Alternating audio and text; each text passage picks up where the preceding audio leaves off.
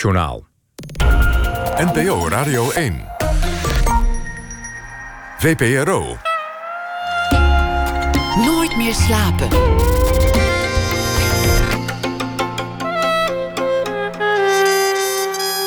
Met Pieter van der Wielen.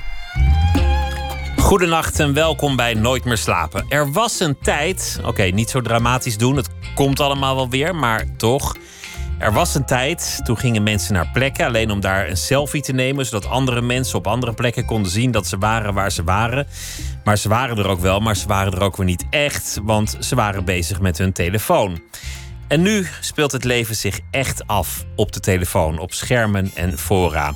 Journalist en filosoof Doortje Smithuizen is al enige tijd gefascineerd door de digitale wereld. De wereld van de tubers en de influencers. En ze heeft een boek geschreven, Gouden Bergen, portret van de digitale generatie. En daarin duikt ze in de echte wereld van de influencers. Een wereld waar alles draait om het perfecte plaatje. Doortje Smithuizen maakt ook podcasts en documentaires, schrijft voor de Volkskrant en Vrij Nederland en werd geboren in 1992. Doortje, hartelijk welkom. Dankjewel. Hoeveel van je leven bevindt zich nu op een scherm? Um, best veel, denk ik. Meer dan daarvoor. Je vergadert via een scherm, je, je spreekt je oma via een scherm. Ja. Je, je, bekijkt voorstellingen als je dat nog doet via een scherm. Nou ja, ik vergader nooit en allebei mijn oma's zijn overleden. Dus wat dat betreft uh, valt het mee. Ja, dus, dus één, één zorg minder en dat niet vergaderen, dat lijkt me een aanwinst voor elk. Ja, leven. absoluut. Ja. ja, dat denk ik ook. Ja. ja, nee, ik denk wel dat ik meer op mijn telefoon zit dan, uh, uh, dan voor deze tijden van pandemie. Um, maar ik zou nu ook niet heel goed kunnen zeggen wat ik dan allemaal doe. Behalve memes kijken over corona. Maar daarvoor keek ik ook al best wel veel memes. Wat, wat bedoel je met memes eigenlijk? Memes, ja, dat zijn. Um, uh, ik heb dat geloof ik in een artikel wel eens um, het kunstwerk van de digitale wereld genoemd. Het zijn uh, plaatjes um, met een onderschrift die heel veel zeggen. en dan moet je denken aan uh, een foto van Kim Kardashian met een tekst eronder of zoiets. Iets wat ergens aan refereert. Angela Merkel die met haar ogen rolt en dan een, dan een tekst eronder. Bijvoorbeeld. Een expressie is het. Bijvoorbeeld, ja. Dus je uit het gevoel over iets en dan met een, een tekst die ja. het uit context haalt, maar daardoor maakt het een, ja, precies. een ja. uiting van hoe je voelt. En zeker de, de, de mengeling tussen uh, gelatenheid en oprechte angst, die gepaard gaat met uh, het coronavirus laat zich heel goed vatten in memes. Die stemming. Je, ja, kunt, je kunt stemmingswisseling ook. Ja. De wanhoop, de hoop, de Ja. ergernis. De hilariteit. Dat soort dingen. De hilariteit Ja. ook. Het heeft wel creativiteit losgemaakt. Hoe naar deze tijd ook is, hoe naar deze tijd ook wordt. Je ziet ook de veerkracht van heel veel mensen. Van ondernemers bijvoorbeeld. Maar ook van allerlei mensen in de creatieve sector. Die allemaal via hun schermen ehm, ja, laten zien waar ze toe in staat zijn. Mhm. ja. Dat vind ik eigenlijk wel de positieve kant ervan. Ja, ik vind het ook een positieve kant. Kijk, het is natuurlijk. ehm, het heeft natuurlijk ook iets treurigs. Ik bedoel, eh, ik heb me ook al meerdere avonden ontzettend vermaakt met eh choreografie-video's op YouTube. Kan ik ook iedereen aanraden. Ehm, en dat is heel leuk, totdat je op een gegeven moment net iets te lang gaat nadenken over wat je aan het doen bent. Namelijk naar een scherm aan het kijken en de dansjes nadoen die daarop worden ehm, voorgedaan. Ehm, wa- wat natuurlijk heel geestig is, maar ik hoop niet dat het hierbij blijft in mijn dansende bestaan. Ik hoop wel dat ik op een gegeven moment weer op een plek zal zijn waar meerdere mensen dansen. En niet alleen ik. Voor een scherm. We hopen allemaal op dit moment heel veel dingen.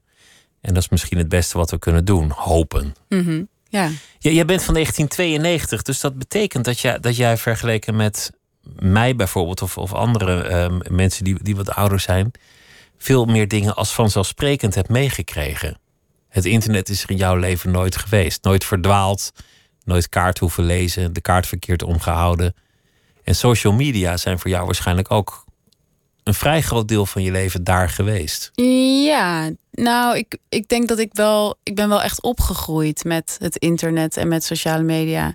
Dus eh, ik, ik, ik was denk ik. ehm nou, ik MSN'de al wel toen ik vrij jong was. 10, 11, zoiets. Basisschool nog.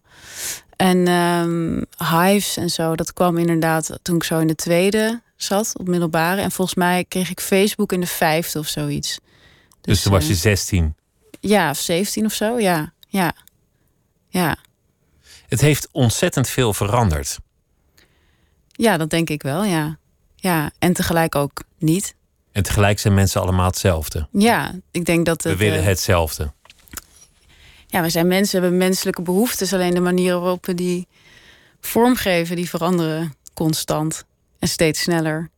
En eh, ja, dat is wat ik onder andere zo leuk vind aan sociale media. Jij hebt filosofie gestudeerd. Een, studie waarbij je, waarbij je bezighoudt met hele grote, ingewikkelde vraagstukken en denkers. Maar al tijdens je studie raakte je door dit soort kwesties ge- geïntrigeerd.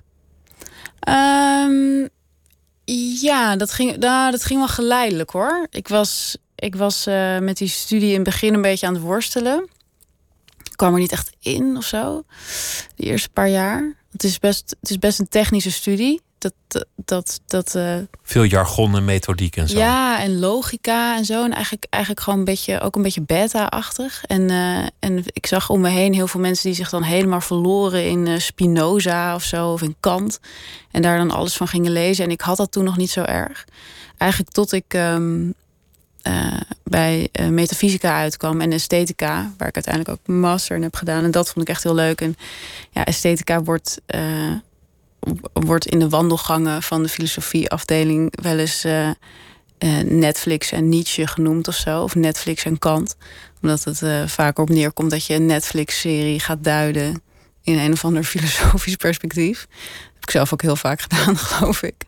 Maar dat vond ik wel heel leuk, ja. En daar, daar, daar kwam die, die fascinatie voor de digitale mens denk ik al wel op. Wat was die fascinatie? Wat, wat, wat greep je daar zo in? Mm. Ja, ik denk dat ik heel erg. Ik ben gewoon erg gefascineerd door een mens met veel mogelijkheden. Door mensen, mensen met keuzes. En ja, ik denk dat je ook heel erg gefascineerd kan zijn door mensen zonder keuzes. Eh, die hebben het vaak veel moeilijker. Ehm, maar ik vind het gewoon heel interessant om te kijken hoe een mens zich gedraagt als hij een overvloed aan mogelijkheden heeft. Ehm, en ja, de digitale wereld is dat ongeveer in de meest vergaande vorm. Je kan daar alles zijn wat je wil. Je En kan wat, iedereen worden, je kan je tot iedereen verhouden en je kan je voordoen ja, als wat je maar wil. en wat kiezen we dan? Ik vind het al heel fascinerend dat we dus ehm, op een gegeven moment een apparaat hebben uitgevonden. Zoals de iPhone, waarmee je dus altijd foto's kan maken van alles. En waar maken we vervolgens de meeste foto's van? Van Onszelf. onszelf. Ja, nou ja, dat, dan, dan denk ik al... God, de mensen een ontzettend interessante soort. Het is ook fascinerend dat je jezelf kunt zien. Er zijn Amazone-stammen geweest die nog nooit een spiegelbeeld hadden bekeken. Ja, En, en die gingen gillen of krijsen of lachen of giechelen. En die hielden niet op met kijken. Ja, terwijl wij inmiddels een soort zijn waarbij eh, hele kleine kinderen van twee al heel rustig worden van het kijken naar hun eigen foto's op een iPad. De val waar je niet in bent gevallen met dit boek, en, en daar ben ik blij om, is om het met een zekere distantie te bekijken of er een oordeel over te, te vellen. Je doet Ja. er niet lacherig over, je kijkt er niet op neer. En, en al helemaal niet heb je een moraliserende mening over influencers of mensen die heel veel selfies maken. Daar, daar is het je niet om te doen. Nee, nee, zeker niet. Maar het is natuurlijk wel fascinerend dat, dat we een versie van onszelf projecteren op het web. Dat we, dat we iets van onszelf maken dat we misschien niet in werkelijkheid zijn.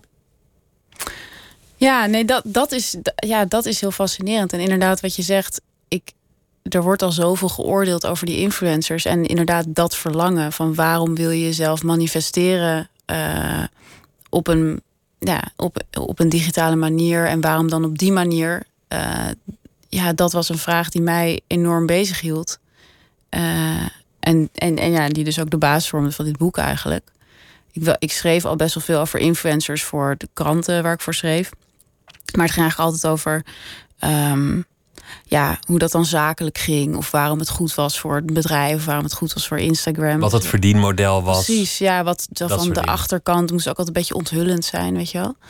En, eh, ja, maar eigenlijk die vraag, die bleef voor mij gewoon echt eh, een soort groot vraagteken eigenlijk. Welke vraag precies? Nou, waarom mensen dit willen.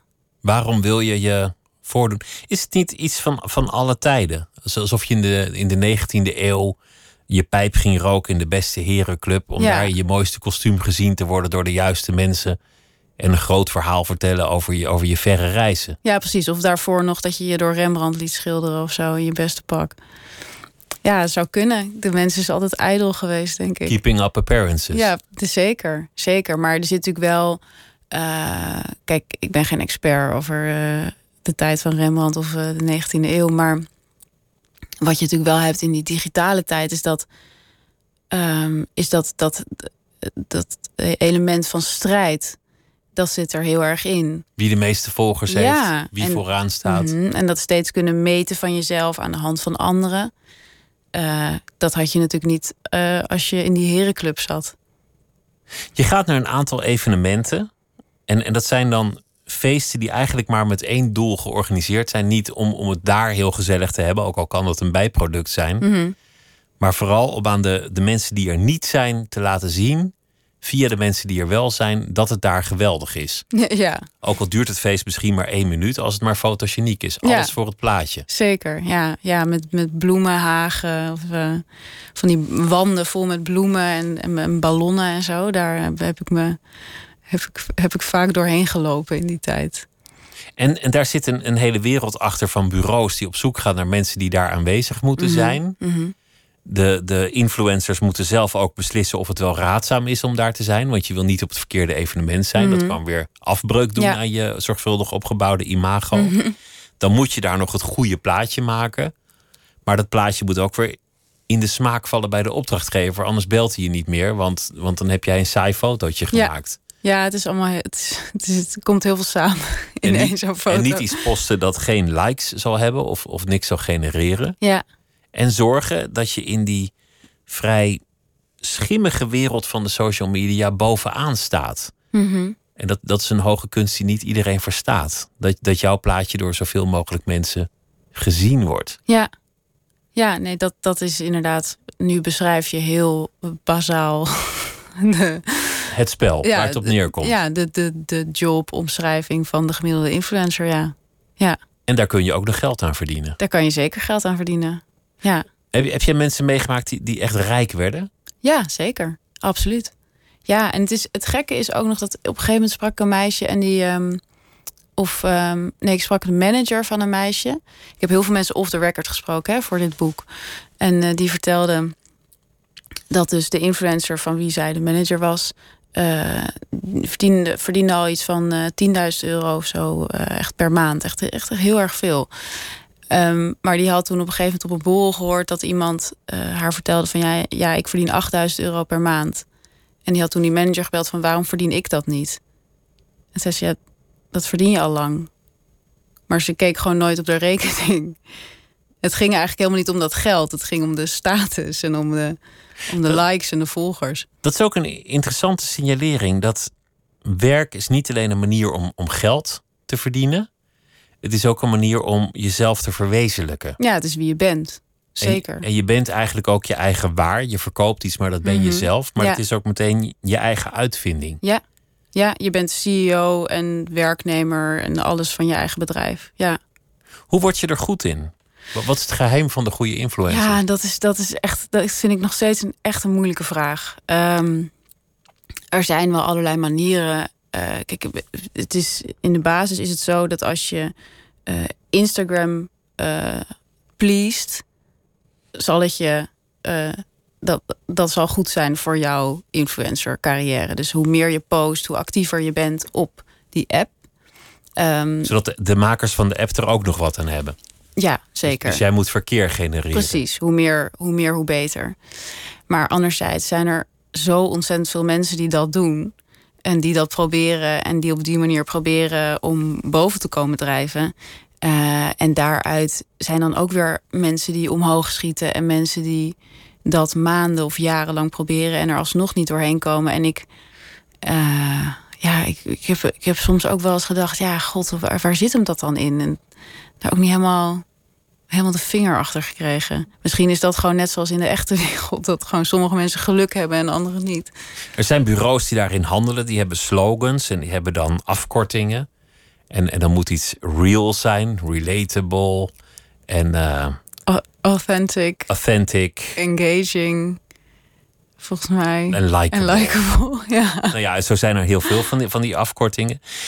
De standaard influencer, die kan iedereen zich voorstellen. Dat is, dat is iemand, meestal vrouw, meestal jong, meestal mooi. En die, en die heeft een, een leven vol glamour, mooie plekken, mooie kleren. Mhm. Maar je hebt natuurlijk ook influencers in andere genres. Mensen die handelen in ongeluk, in klagen over hoezeer het leven tegenzit. Daar, daar is ook een markt voor. Oh ja? Mensen die handelen in intellect. Dat is misschien wat jij zelf doet. Ja. Oh, op die manier. Je, je kan, ja, of, of, of, in, of in huisdierenplaatjes. Daar kan je ook een influencer mee worden. Kan, ja. Dus, dus er werkelijk geen genre waarin je niet op de een of andere manier een soort online bestaansrecht kan uh-huh. creëren. Ja, ja dat, zou, dat zou kunnen. Ik, ik, heb me, ik heb me voor dit boek uh, even gehouden bij. Uh, vooral bij de eerste soort influencer die je beschreef. Maar wie weet dat ik me nog een keer helemaal in de, in de diereninfluencers uh, ga verdiepen. Maar in jouw eigen wereld, zeg maar, de, de wereld van de, de Volkskrant Vrij Nederland. Mm-hmm. Daar ben je toch ook op je eigen manier een soort, soort influencer. Op, op zoek naar aandacht, status, erkenning. Ja, zeker. Nee, dat, en dat is ook wat ik zo. Um, waarom ik die influencers zo leuk vind. En waarom ik denk ik ook met een open blik naar ze kijk. Omdat ik ook gewoon heel veel van mezelf en de mensen om mij heen in ze herken. Ik bedoel, zeker in de economie waarin we nu leven, waarin je zoveel uit jezelf moet halen. En waarin je zo uh, ook doordrongen wordt van het idee van er is altijd iemand die het beter kan dan jij. En uh, voor jou tien anderen. Uh, ja, word je, word je vanzelf een soort van um, inderdaad een soort influencer je moet het ook zijn. Ook al wil je in een, een heel analoge sector aan de man komen, dan is het voor veel beroepen belangrijk dat je online goed zichtbaar bent. Ja, maar het gaat denk ik niet eens om dat online zijn. Het gaat denk ik ook heel erg om die mentaliteit uh, van uh, het jezelf kunnen verkopen. En uh, altijd bezig zijn met jezelf presenteren. Weet je, dat, ja, dat is iets wat gewoon inherent is geworden aan heel veel beroepen. Alleen dat is bij die influencers gewoon heel zichtbaar, omdat het eigenlijk het enige is wat ze doen. Maar dat zit natuurlijk, in heel, dat zit natuurlijk bij heel veel dingen. Omdat er geen ander product meer onder zit. Omdat ze niet in eerste instantie. Ja, zij waren. zijn hun product. Ja, precies, zij zijn hun product. Maar inderdaad, ik, ik verkoop nu een boek. Maar de manier is niet heel anders. Ik bedoel, ja, de platformen lijken behoorlijk op die van hen. En uh, ja, of, eigenlijk overal waar ik kom, krijg ik ook weer een camera op mijn gezicht. Dus wat dat betreft is ook niet zo heel veel verschil. Je haalt ook andere denkers aan, waaronder Alessandro Barico. Dat is een uh, Italiaanse mm-hmm. schrijver en filosoof. Heeft twee uh, uh, bekende boeken gemaakt, ook, ook heel veel literaire werken. Ja. de Barbaren en Ja. The Game. En The Ja. Game gaat hierover. En hij heeft het over de massale individualiteit. Ja, massa-individualisme. Ja, ja. Wat, wat, een, wat een prachtig begrip is Te natuurlijk. gek, hè? Ja, ja, ik vond dat ook echt zo'n. eh, ik vond dat echt zo'n zo'n term die je dan ook niet meer echt loslaat. Dat we, dat we allemaal en masse proberen uniek te zijn. Ja, op dezelfde manier. Op dezelfde manier, En ik op vind dezelfde plek. Een van de heerlijkste voorbeelden daarvan vind ik eh, eh, de voorloper van Instagram, eigenlijk Hipstamatic. Dat was zo'n app. Het voelt nu alweer zo lang geleden, maar dat was dan in 2010 of zo.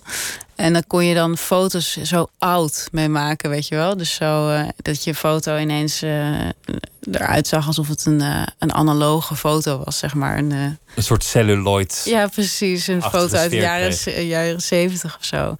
En ik vind het zo interessant dat mensen dan een soort authenticiteit proberen te, te fabriceren. Met eigenlijk zo'n heel synthetisch iets als een app. Eh, en dat is eigenlijk voor, voor, voor mij ook een heel goed voorbeeld van het massa-individualisme. Dan gaan we allemaal zo'n hele authentieke foto posten. Terwijl, ja, dat slaat natuurlijk nergens op. Maakt het uiteindelijk gelukkig om, om een online verbeelding, een Insta-verbeelding van je eigen bestaan te maken? Ja, eh, dat is echt een lastige vraag. Ik krijg die best wel veel. Van zijn ze gelukkig, worden ze er gelukkig van? Eh, en ik merk ook dat volgens mij mensen heel graag willen horen nee. maar ik denk dat het saaie antwoord is. Het verschilt gewoon per persoon. Ehm, wat ik wel heb gezien is dat het, uh, het kan heel ongelukkig maken. En dat ligt eraan. Uh, je, wordt er, je wordt snel ongelukkig van je eigen digitale weerspiegeling als je jezelf steeds met die weerspiegeling gaat vergelijken. Het punt is dat de online versie van jou is altijd beter dan de, uh, de analoge versie van dan jou. het echte leven. Want het echte leven is banaal. Daarin, en menselijk. moet je, moet je vuilniszakken buiten zetten. Ja.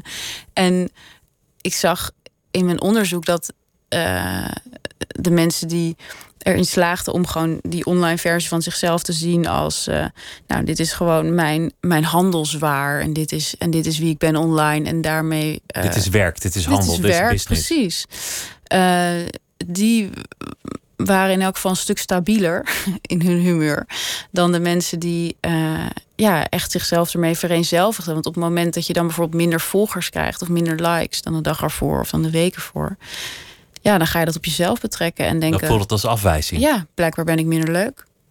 Je zou kunnen betogen dat fantasie het leven altijd kleur geeft. Verbeelding, ook al, ook al is je eigen leven misschien wat fletser.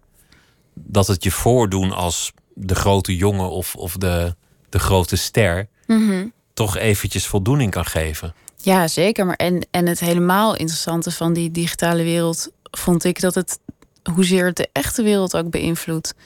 Want om zo'n om zo'n inderdaad fantasiewereld te maken, moet je ook nog best ver gaan in uh, het, het creëren eigenlijk van die fantasie. Ik bedoel, die moet toch ergens vandaan komen. Die foto moet toch ergens gemaakt. Je moet hem een beetje waarmaken. Ja, nou ja, je moet hem eigenlijk waarmaken bijna. Dus je, je, nou ja, ik, heb, ik heb mensen ontmoet die um, uh, naar de plastisch chirurg gingen met een bewerkte Instagram-foto en zeiden: uh, Doe mij dit maar ja, dan loopt het natuurlijk totaal door elkaar heen. Dan, dan wordt de fantasie eerst fantasie en daarna werkelijkheid. Ja. En waar houdt het dan op? Want vervolgens ga je weer verder in de fantasie en ga je jezelf nog meer perfectioneren. En... Dat is oneindig, toch? Je, je maakte ook een, een documentaire over kinderen met een eigen YouTube-kanaal. Mhm.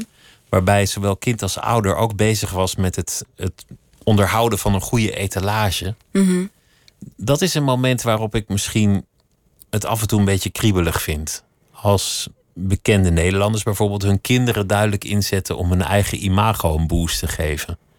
Of als ouders via hun kinderen hopen iets te bewerkstelligen in de wereld. Ja. Wat waren jouw bevindingen daar? Um, nou, eigenlijk was het met die documentaire zo dat wat ik daar interessant aan vond. Um, en jij bent niet de enige die kriebelige reacties had daarop. Ehm, was dat het voor mij eigenlijk net zoals die influencers ook heel erg symbool staat voor iets wat, wat eigenlijk bij heel veel ouders gebeurt, maar wat bij hen heel zichtbaar is. Namelijk uh, dat toch eigenlijk elke ouder vindt dat zijn kind op een podium hoort en applaus verdient. En best wel ver gaat om dat gevoel te verwezenlijken uh, in de echte wereld. En dat um, nou ja, voor veel jonge ouders nu YouTube eigenlijk het meest voor de hand liggende podium is om hun kind op te zetten, om dat applaus te gaan uh, innen, wat, waar ze zo'n recht op hebben. Het is eigenlijk een uiting van liefde.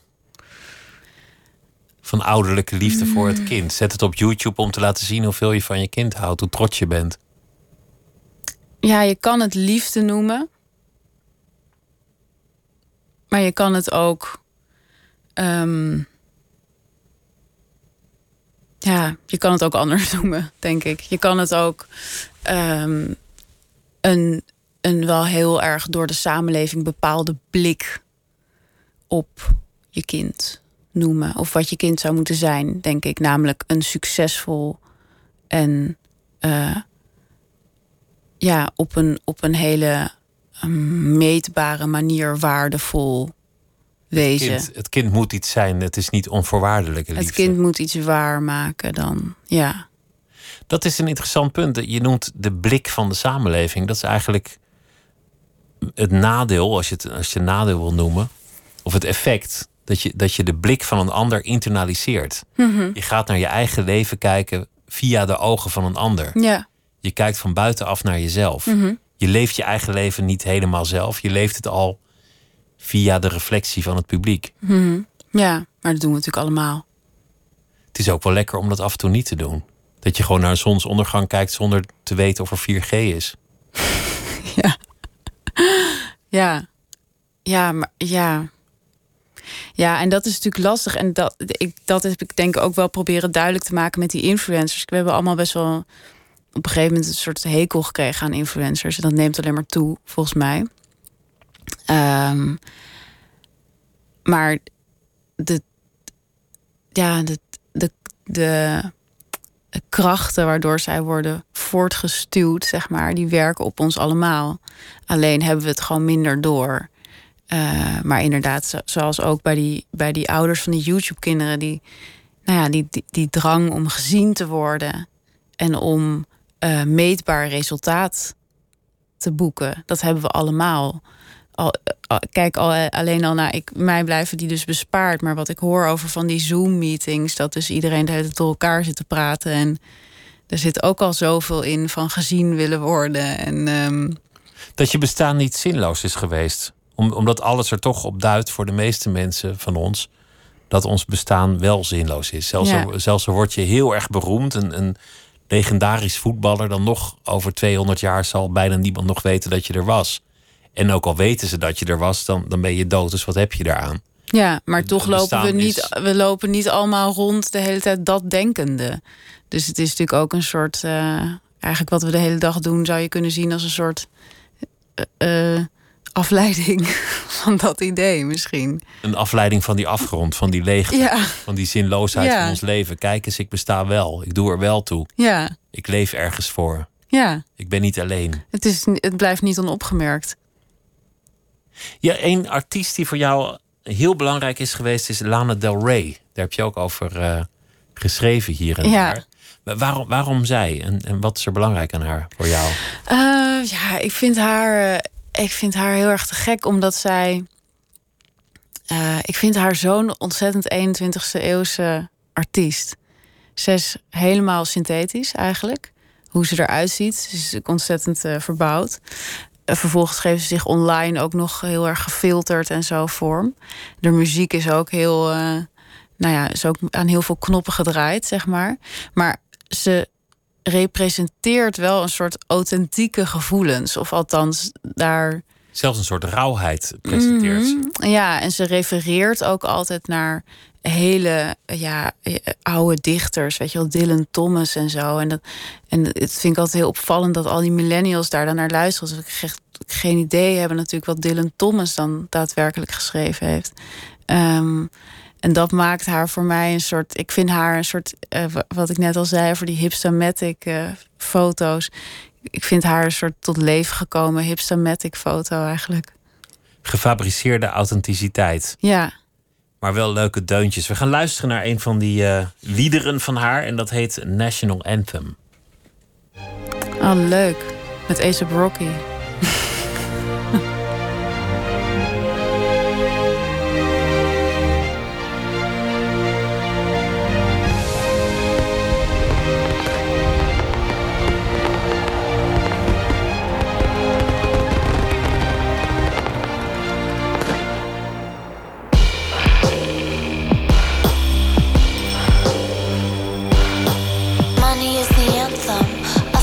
So before we go out, what's your address? I'm your national anthem. God,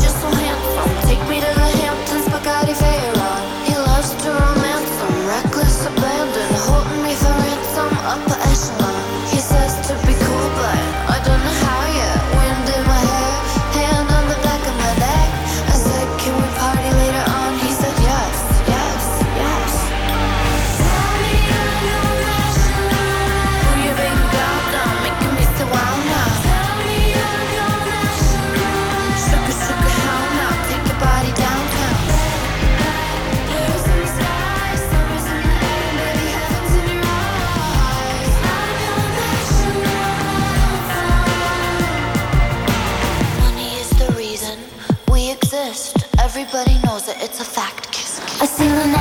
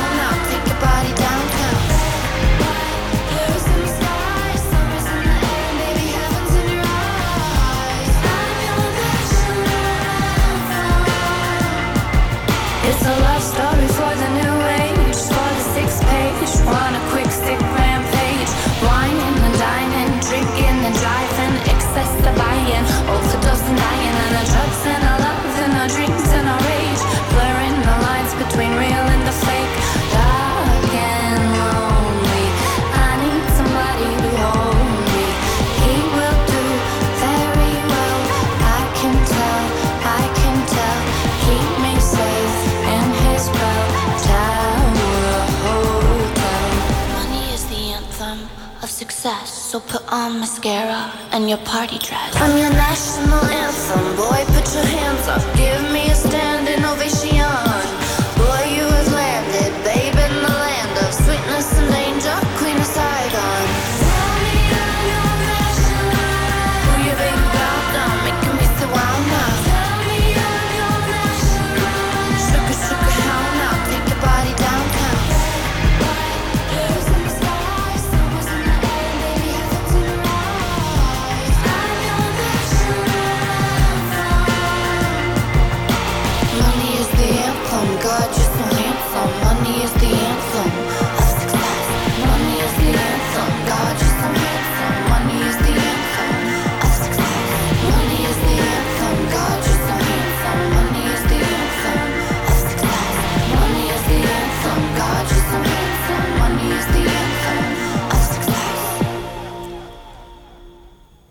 Lana Del Rey was dat, meegebracht door Doortje Smithuizen, die tegenover mij zit. En zij heeft een boek geschreven, Gouden Bergen, portret van de digitale generatie, over de wereld van de influencers. En daar hadden we het over, over het eh, vormgeven van je eigen bestaan in een virtuele omgeving. Het eh, bijhouden van de etalage als handel, verdienmodel, maar ook als verwezenlijking van jezelf. En wat is dat dan, jezelf? En dat is eh, massa-authenticiteit of eh, massa-individualisme, zoals Alessandro Barico dat eh, heeft genoemd. Je, je schrijft over je, je eigen generatie, de millennials. Dat is een, een, een generatie waar heel veel over geschreven wordt, die op de een of andere manier een reusachtige fascinatie bij, bij allerlei mensen losmaakt. Ja, hè? Vaak, Ja. ook, vaak ook een beetje negatief. Je hebt Ja. er niks aan, ze zijn alleen maar op een mobieltje bezig. Ze presteren niks. Ja, klopt. Ja. Nou is dat van alle tijden natuurlijk, dat, dat de vorige generatie de nieuwe generatie afkeurt. Dat zal volgens mij nooit anders zijn geweest. Dus dat, dat zal nog, zolang er een mensheid is, doorgaan. Ja, weet ik niet. Ja, ik heb wel het idee dat nu vanuit de millennials met een soort bizarre, bizar optimisme naar de generatie onder ons wordt gekeken, naar die Gen Z. Die moeten alles maar gaan oplossen, geloof ik. Alle wereldproblemen, Ja, die ja. worden zo slim, dan eh, komt het toch nog goed Ja, precies. Ja. met de wereld. Er zijn wel een paar verschillen die, die je ook in je boek aanhaalt tussen millennials en eerdere generaties. Waar eerdere generaties druk waren met zich verzetten en afzetten tegen hun ouders, ja. was het nu eigenlijk andersom. De ouders die wilden vooral trots zijn op een kind. Ja, en ik denk dat vooral. ehm, wij zijn eigenlijk de eerste generatie die eh, inderdaad niet heel erg heeft moeten vechten voor zijn vrijheid. Of voor zijn eh, mogelijkheden, zeg maar. Dus onze ouders die moesten nog eh, zich ontworstelen van. eh, weet je wel, religie of een bepaalde gemeenschap waar ze bij hoorden, die dan ineens heel beknellend voelden. Terwijl wij kregen alleen maar te horen van je kan alles worden wat je wil en ga lekker iets doen wat je helemaal leuk vindt. En als je je best doet, dan, dan kom je er wel. En we zullen altijd trots op je zijn, we zullen altijd van je houden. Absoluut. En we vinden die eigenlijk nu al geweldig. Ja, terwijl je bent pas drie. Dat is ook vaak gezegd over millennials. Dat als ze een tekening maakten, dat de ouders niet zeiden dat is toch geen vogel. Maar dat de ouders zeiden, ik bel vast het stedelijk voor een expositie. ja. ja, zeker. Ja, absoluut. Heb jij dat ook zo ervaren? Ik was, ik, ik was net even langs bij mijn ouders voor het eerst in, eh, nou ja, sinds de pandemie. En, ehm, en ik beklaagde me erover dat ik vond dat ik niet echt een hobby heb.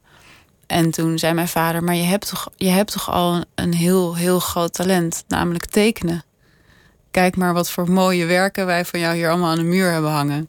Dus eh, ik kan absoluut niet ontkennen dat dat bij mij ook zo was. Ja. Dat dat bij jou ook zo Ja. is gegaan. ja.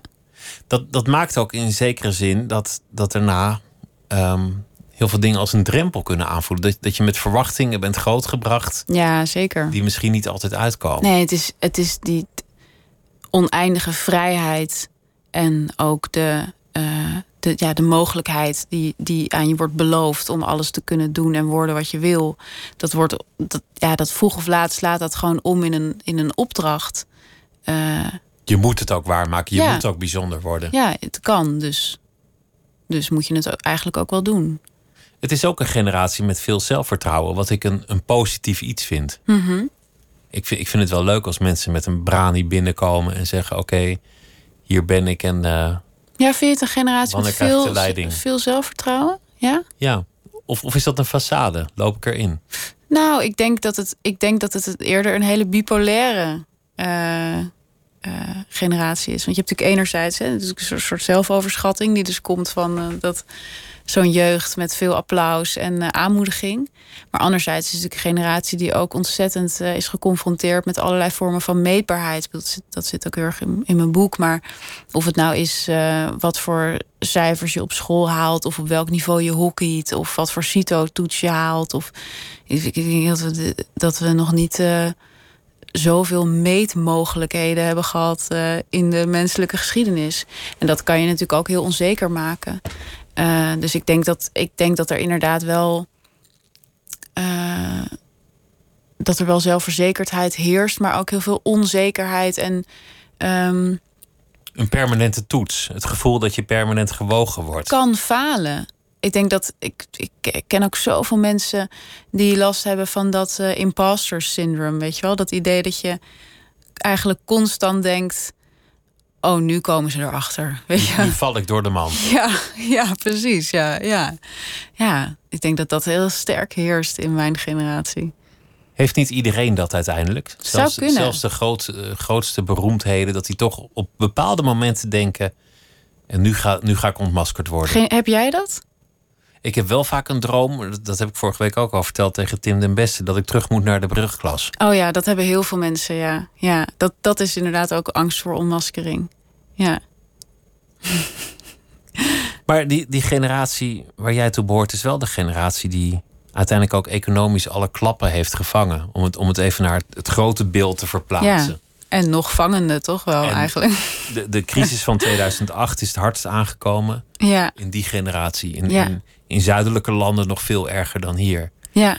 En deze crisis daarvan wordt nu al voorspeld dat de prijs wederom betaald gaat worden door de millennials. Oh ja, maar ik zie dat ook al 100% om me heen.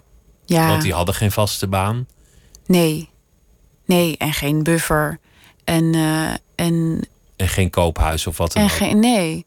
En, eh, en ook. eh, zeg maar, alles hangt samen met elkaar, weet je wel. Dus een festival wordt gecanceld en de hele organisatie ehm, is daardoor werkloos. Maar natuurlijk ook de mensen die daar zouden optreden en zo. Het is één grote economie die zichzelf in stand hield, maar die nu toch al redelijk ehm, instabiel blijkt te zijn. Want dat festival, dat waren inkomsten voor, voor heel veel mensen die daar met een los contract aan verbonden waren. Ja, ja. En die tuurlijk. kunnen ook geen aanspraak maken op compensatieregelingen, want er staat soms niet eens iets op papier. Nee, Heel concreet. Nee, dus ik, ik ben heel benieuwd en ik kijk met.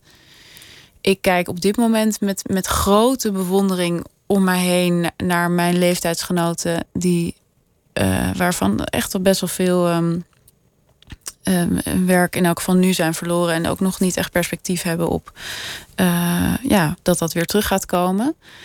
En ik vind de, de, de, toch al over, overwegende relaxedheid en creativiteit waarmee daar wordt omgaan, maakt me eigenlijk hoopvoller dan ik ooit ben geweest. Eigenlijk over mijn, eh, mijn generatie. Ik heb, eh, Waarom stemt dat hoopvol dat Nou. iedereen er relaxed mee omgaat? ik heb een stuk in de Volkskrant geschreven, eigenlijk aan het begin van deze coronacrisis, wat nu al best wel lang geleden voelt, maar dat is dus iets van zes weken geleden of zo. En dat ging over eh, workism, iets wat ook voorkomt in ehm, mijn boek. En dat is eigenlijk het idee, eh, dat is gemunt door eh, het blad eh, The Atlantic. En dat is het idee dat we eigenlijk met het verlies van religie, dat werk eigenlijk onze religie is geworden. Dus dat we ehm, eh, onze identiteit heel erg zijn gaan vormgeven door ons werk. Je bent je werk. Je bent je werk en daardoor zijn we ook het vermogen om, hè, wat, wat, wat veel mensen wel zullen herkennen, dat het gewoon soms heel moeilijk is om echt niks te doen. En dat je altijd wil, je tijd wil optimaliseren. Dus ook als je vrij hebt, dat je dan ultieme leuke dingen wil doen, zeg maar. Dat we gewoon alles als werk zijn gaan zien. Zoals we vroeger misschien alles zagen als een soort uiting van onze liefde voor God of zo. Ehm, nou ja, da- daar heb ik een stuk over geschreven dat dat dus in tijden van corona eens meer duidelijk wordt, omdat mensen dan eerst, hè, je kan niet meer werken, dus wat ga je dan doen? Nou, dan ga je een soort van quarantaine goals maken en alles maar optimaliseren. En, en toen ik dat dus schreef, zag ik dat ook wel echt om me heen. Maar de laatste dagen heb ik het idee dat iedereen in een soort ehm, modus is gekomen waar, waarin ik in elk geval de mensen om me heen niet eerder heb gezien. Met uh, broden bakken en uh, eindeloze wandelingen maken en uh, pianoles nemen voor het eerst van je leven. En gewoon voor lol. En ja, dat soort dingen. Dus misschien dat we nu wel weer gaan ontdekken hoe het is om iets te doen, omdat we het gewoon leuk vinden. In plaats van dat het moet om jezelf te verwezenlijken of, of in die wedstrijd mee te komen. Ja, dat het een doel moet hebben. Want natuurlijk is het ook een vorm van jezelf verwezenlijken. Of het nou een bezigheidstherapie is of uh, omdat je echt denkt dat je heel mooi kan leren piano spelen. Maar um, ja, dat het, niet, dat het niet een vorm is van menselijk kapitaal genereren. Het is ook een, een generatie die op heel veel manieren ervoor gekozen heeft om er niet aan mee te doen. Liever niet een vaste baan. Er zijn ook gewoon geen vaste banen meer. En heel veel millennials ja, zouden Ik kan net zeggen, een beetje een Erik Wiebes-achtige opmerking ja, dit. Maar het, het, is wel, het is wel iets wat, wat ik vaak lees en hoor van, van... het is leuker om losse klussen te doen. En het is ook iets wat, wat bij die influencers in jouw boek staat. Ja. Als ik maar niet voor een baas hoef te werken. Ja, ja. En, maar ja, tegelijkertijd is het natuurlijk ook wel noodgedwongen, hè? Want die, die vaste baan komt Die zijn er niet. natuurlijk gewoon niet. Ja. Ik heb er ook niet voor gekozen om freelancer te zijn. Ik vind het hartstikke leuk, maar dat is niet mijn idee. Niet een huis kopen, maar goed, dat zou ook niet lukken zonder dat contract. Dus dat nee. is ook niet echt een keuze. Nee. Niet om auto's geven, maar een auto is ook maar kostenpost. Dus dan Ja. maar een oude racefiets oplappen. Ja, of geen rijbewijs, zoals ik. Dat is ook makkelijk. Dat zijn allemaal eigenlijk geen keuzes geweest. Ehm, ja, het zijn keuzes die zijn ingegeven door allerlei ehm, eh, ontwikkelingen waar je niet bij stilstaat. En dat is wat ik ook zo interessant vind aan die influencers. Ik leefde toen ik het boek ging schrijven een beetje in een verkeerde veronderstelling dat een influencer op een dag wakker wordt en denkt: Oh, nu heb ik het bedacht, ik word influencer. Ehm, maar zo gaat het niet. Net zoals dat ik niet op een dag wakker ben geworden en gedacht: Oh, ik word journalist. Weet je wel? Je rolt erin. Op Je rolt je erin. Ja, en je hebt al zoveel, zo vroeg in je leven geïnternaliseerd. Of het nou is hè, dat, dat, dat recht op applaus, of die meetbaarheid, eh, of hè, je digitale ehm, eh, kunsten, zeg maar, die je hebt eh, geleerd van de Sims en Hives en zo. Dat gaat, allemaal, dat gaat allemaal in je zitten en dat krijgt op een gegeven moment vorm. Dus ja, of het nou allemaal keuzes zijn om niet voor een baas te werken, ja. Maar ja, dan kom je uiteindelijk natuurlijk uit bij de vraag van bestaat er vrije wil? Oh, dat is wel, wel een hele grote stap. Ja, misschien moeten we die maar niet nemen. De vergelijking met Erik Wiebes, die, die, die was logischer. Iemand die zei, je hebt er toch zelf voor gekozen. Ja, ja maar dat vind ik dus niet. Nee, dat, dat is natuurlijk ook uiteindelijk niet zo. Nee. Nee, dat is met die vaste baan niet zo. En kijk, natuurlijk met influencers, die maken wel een keus. En, en, en iedereen eh, is verantwoordelijk voor zijn eigen ehm, manier waarop hij zijn leven vormgeeft. Maar ik vind dat er vaak ten onrechte over die influencers wordt gedaan alsof ze een soort ehm, aparte diersoort zijn binnen onze, eh, binnen de mens, zeg maar. Maar ik vind ze juist heel menselijk. En heel erg van alle tijden. Iedereen is altijd bezig met hoe die eruit ziet. En, en reclame was er ook altijd. En dit is Ja. dan een, een nieuwe variant door de techniek ingegeven. Ja, het is een bewezen, het is een bewezen strategie. Een bewezen succesvolle strategie, ja. Ja, Je schreef in dat, in dat stuk ook over hoe het is voor, voor jouzelf en mensen in jouw omgeving. Om, om nu te leven in, in quarantaine. Als je gewend bent dat zoveel afhangt van de plekken waar je komt. ja. Ja, Mhm. De feestjes, de borrels, de recepties. dit, dit is natuurlijk klein leed. Want er- zijn mensen die doodgaan of in, in de intensive care liggen of op de intensive care liggen. Die hun baan of bedrijf Ja. kwijtraken. Maar desalniettemin is het een, een aardige constatering. ja, Dat, dat mensen die zo gewend zijn om op de juiste plekken te komen. Of, of hun leven af laten Ja. hangen van waar je bent. Je bent waar je bent. ja, zeker. Ja, absoluut. Ik denk dat dat, Dat dat wegvalt. steeds meer. Ik bedoel, we hebben natuurlijk inderdaad voor, voor mijn generatie, die dus inderdaad veel minder vast werk heeft en nou ja, geen religie of, eh, of, of anderszins een natuurlijke groep om bij te horen, is dat een, eh, is dat een manier om, om je identiteit vorm te geven? Is gewoon inderdaad waar ga je uit en eh, eh, waar haal je koffie? Maar. En het grappige vind ik nu dat ehm, eh, ik, ik woon in Amsterdam. En daar heb je bijvoorbeeld markt op, op, op, op zaterdag op de Noordermarkt.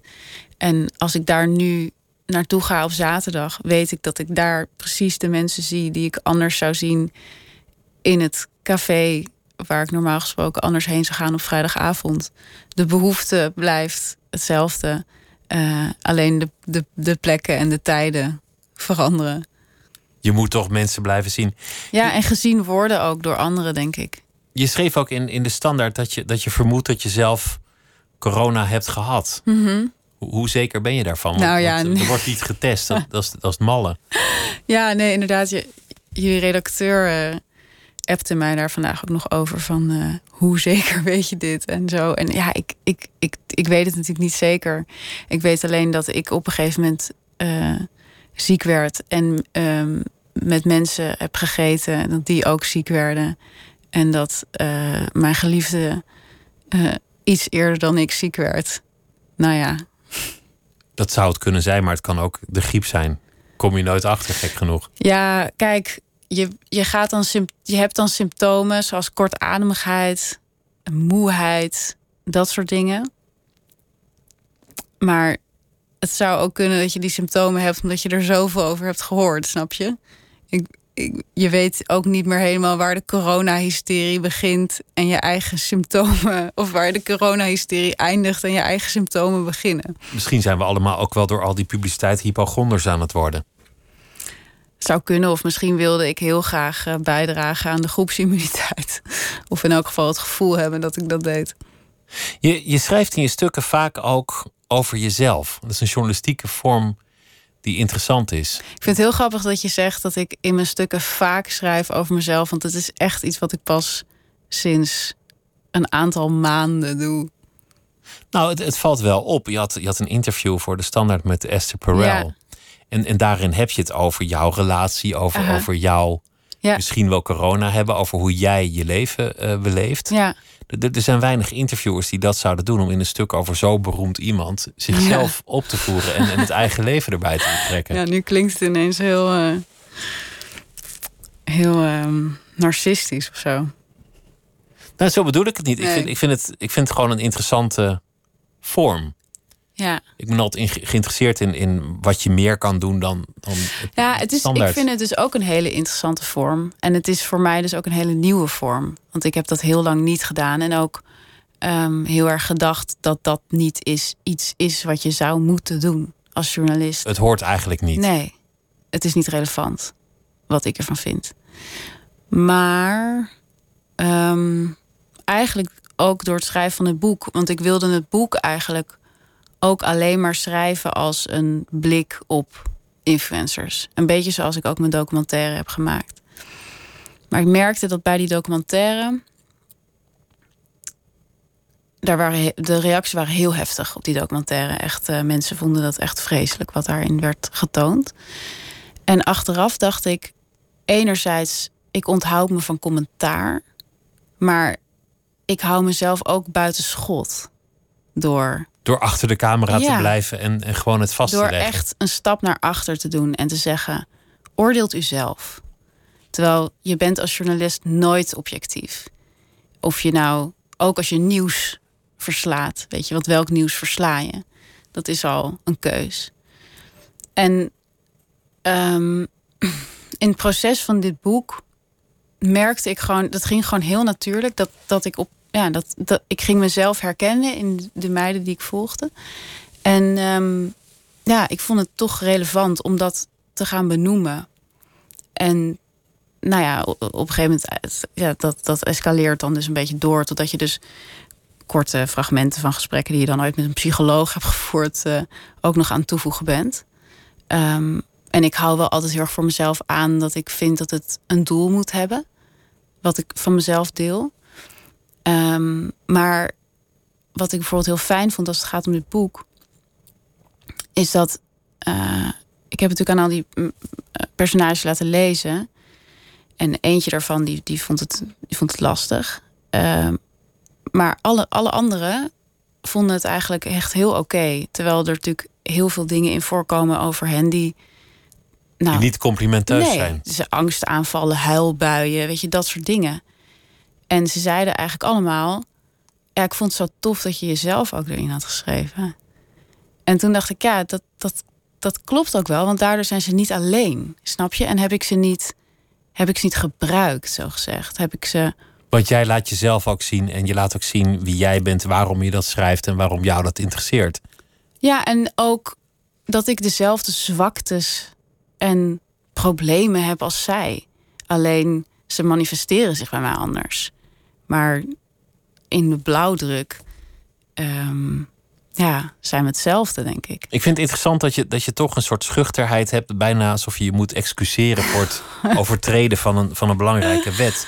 Maar, maar die wet is er, is er natuurlijk niet. Je, je wil een verhaal vertellen en als het voor het verhaal beter is dat je jezelf opvoert, dan moet je dat gewoon Nee, doen. nee daar, daar ben ik dus inmiddels ook echt van, van overtuigd. Maar ik vind het gewoon zo grappig om dan te horen. dat Je zegt van je schrijft jezelf vaak in je stukken, omdat dat Nou, in dus een- iets is wat ik echt pas zo heel kort eigenlijk heb ontdekt. Het, het viel mij op in een, in een interview met een beroemd iemand dat het Ja. zelden gebeurt dat iemand een, een Ja. alinea neemt of, of twee om, om Ja, ik denk dat het dat dat het ehm, dat ik het idee heb bij dat stuk dat het daarmee eh, dichterbij komt. Dat het interessanter is om wat Esther Perel zegt over intimiteit in tijden van corona, want daar gaat het eigenlijk over, om dat te plaatsen middenin eh, de situatie van corona. En voor mij is op dit moment de enige manier om dat te doen, is het in mijn eigen situatie te plaatsen. Eh, en daarin eh, illustraties te zoeken van wat zij vertelt. In jouw situatie was dat je dacht, misschien hebben we wel iets, laten we voorzichtig zijn en binnen blijven. Dus je was heel erg op elkaar aangewezen, Aangewezen, want ja. elkaar kon je niet meer aansteken. En dus, dus hou je elkaar veel meer vast dan je normaal zou doen, want, want de rest van de wereld houdt een beetje op te bestaan. Ja, En, en dat kan de relatie slopen, maar het kan ook een impuls zijn. ja, Dat is een, bijna een soort lakmoesproef voor, voor Ja. elke relatie. ja, ja. Nee, dat, dat vond ik ook heel interessant wat zij zei. Van eh, een ramp is een accelerator. Het kan allebei de kanten op en het is in elke relatie. Het is ook in, in werkrelaties of in vriendschapsrelaties. Het is in elke relatie een, eh, ja, een, een soort test. Ja, ja. En dan blijf je je daarna altijd afvragen: hadden we het wel gered als er geen corona was geweest? Dat zou, het zou kunnen. Met, met die influencers is ook interessant dat, dat het nu heel creatief wordt. Influencer als je nergens heen kan. Als je niet je interessante vakanties of, of snoepreizen kan, kan projecteren, ja. dan moet je dus een interessant leven feinzen terwijl je niks Ja. doet. En dat, dat is leuk, want dat, dat maakt het creatief. ja vind je het creatief? Bij sommigen, bij anderen wat minder. Ja, ik vind het niet heel creatief. Maar dat is het ding. Kijk, influencers worden niet betaald om creatief te zijn. Ze worden betaald om waar te verplaatsen. Ja, en om, en om zichzelf aantrekkelijk te maken en, en om dat te laten zien. En dat is natuurlijk wat je nu ziet, dat, dat er gewoon. ehm, ja, dat vind ik zelf ook interessant. Dat, dat al die influencers dan dus maar onder hun foto zeggen van stay home. En ik heb echt al filmpjes gezien van meiden die Hunkemuller lingerie laten zien. En zeggen van ja, lingerie om in thuis te blijven. Weet je, het slaat natuurlijk nergens op. En het is sowieso interessant dat ze allemaal zeggen. Eh, blijf thuis, blijf binnen. Terwijl een influencer zou zich normaal gesproken nooit maatschappelijk uitspreken. Want het is natuurlijk gewoon heel dom om dat te doen. Want dan kan je altijd iets verkeerd zeggen tegenover een adverteerder. Maar ja, op het moment dat iedereen het erover eens is dat je binnen moet blijven. Dat roep je nog maar een keer klappen Ja, voor de kan je zorg. dat maar beter er, eronder zetten, onder je foto. Omdat je natuurlijk ook door wil blijven gaan met delen. En het is natuurlijk een beetje ongemakkelijk om jouw Zalando-samenwerking op dit moment eh, met het publiek te delen. Sowieso. Dus dan kan je er maar beter stay home onder zetten. Stel dat er een vaccin komt of een, of een godswonder. Mhm. Eén van de twee. Welke van de twee is. En, eh, en wie komt, wie komt Ja, eerst, is ja. nu de grote vraag. Zal er, zal er iets blijvend veranderen hierdoor, denk je? u- überhaupt? Nou, in, in, in de wereld van de, in de influencers en, en de millennials. Ehm, ja. Ik vind, dat altijd, ik vind dat dus een hele moeilijke vraag. En ik stel hem zelf ook wel eens nu als journalist aan anderen. En die zeggen dan ook dat ze het niet weten. Dus ik ben geneigd om dat ook te doen. Maar ik denk wel dat we een andere relatie gaan hebben met ons werk. Dat denk ik wel. Ik denk dat dat, dat, dat hele eh, dat echt die, die race om menselijk kapitaal, die zou wel eens minder kunnen worden. Ja, aan de andere kant.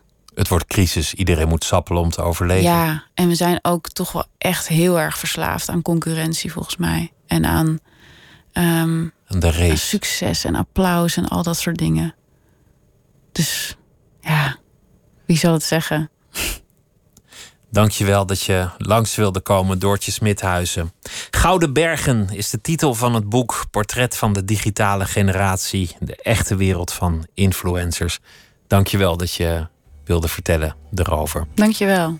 En zometeen, dan is eh, Miss Podcast hier. En eh, die eh, heeft ook weer allemaal mooie dingen. En morgen dan is Ray Lafuego hier eh, te gast. En ik wens iedereen een hele goede nacht.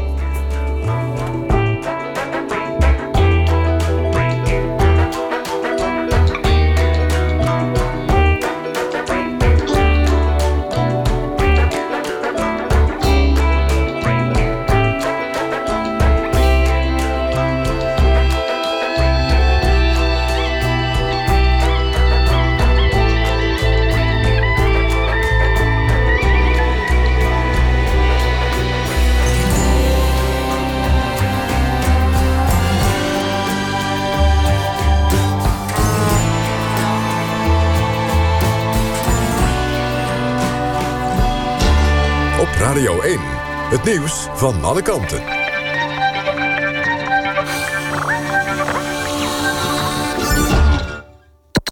NPO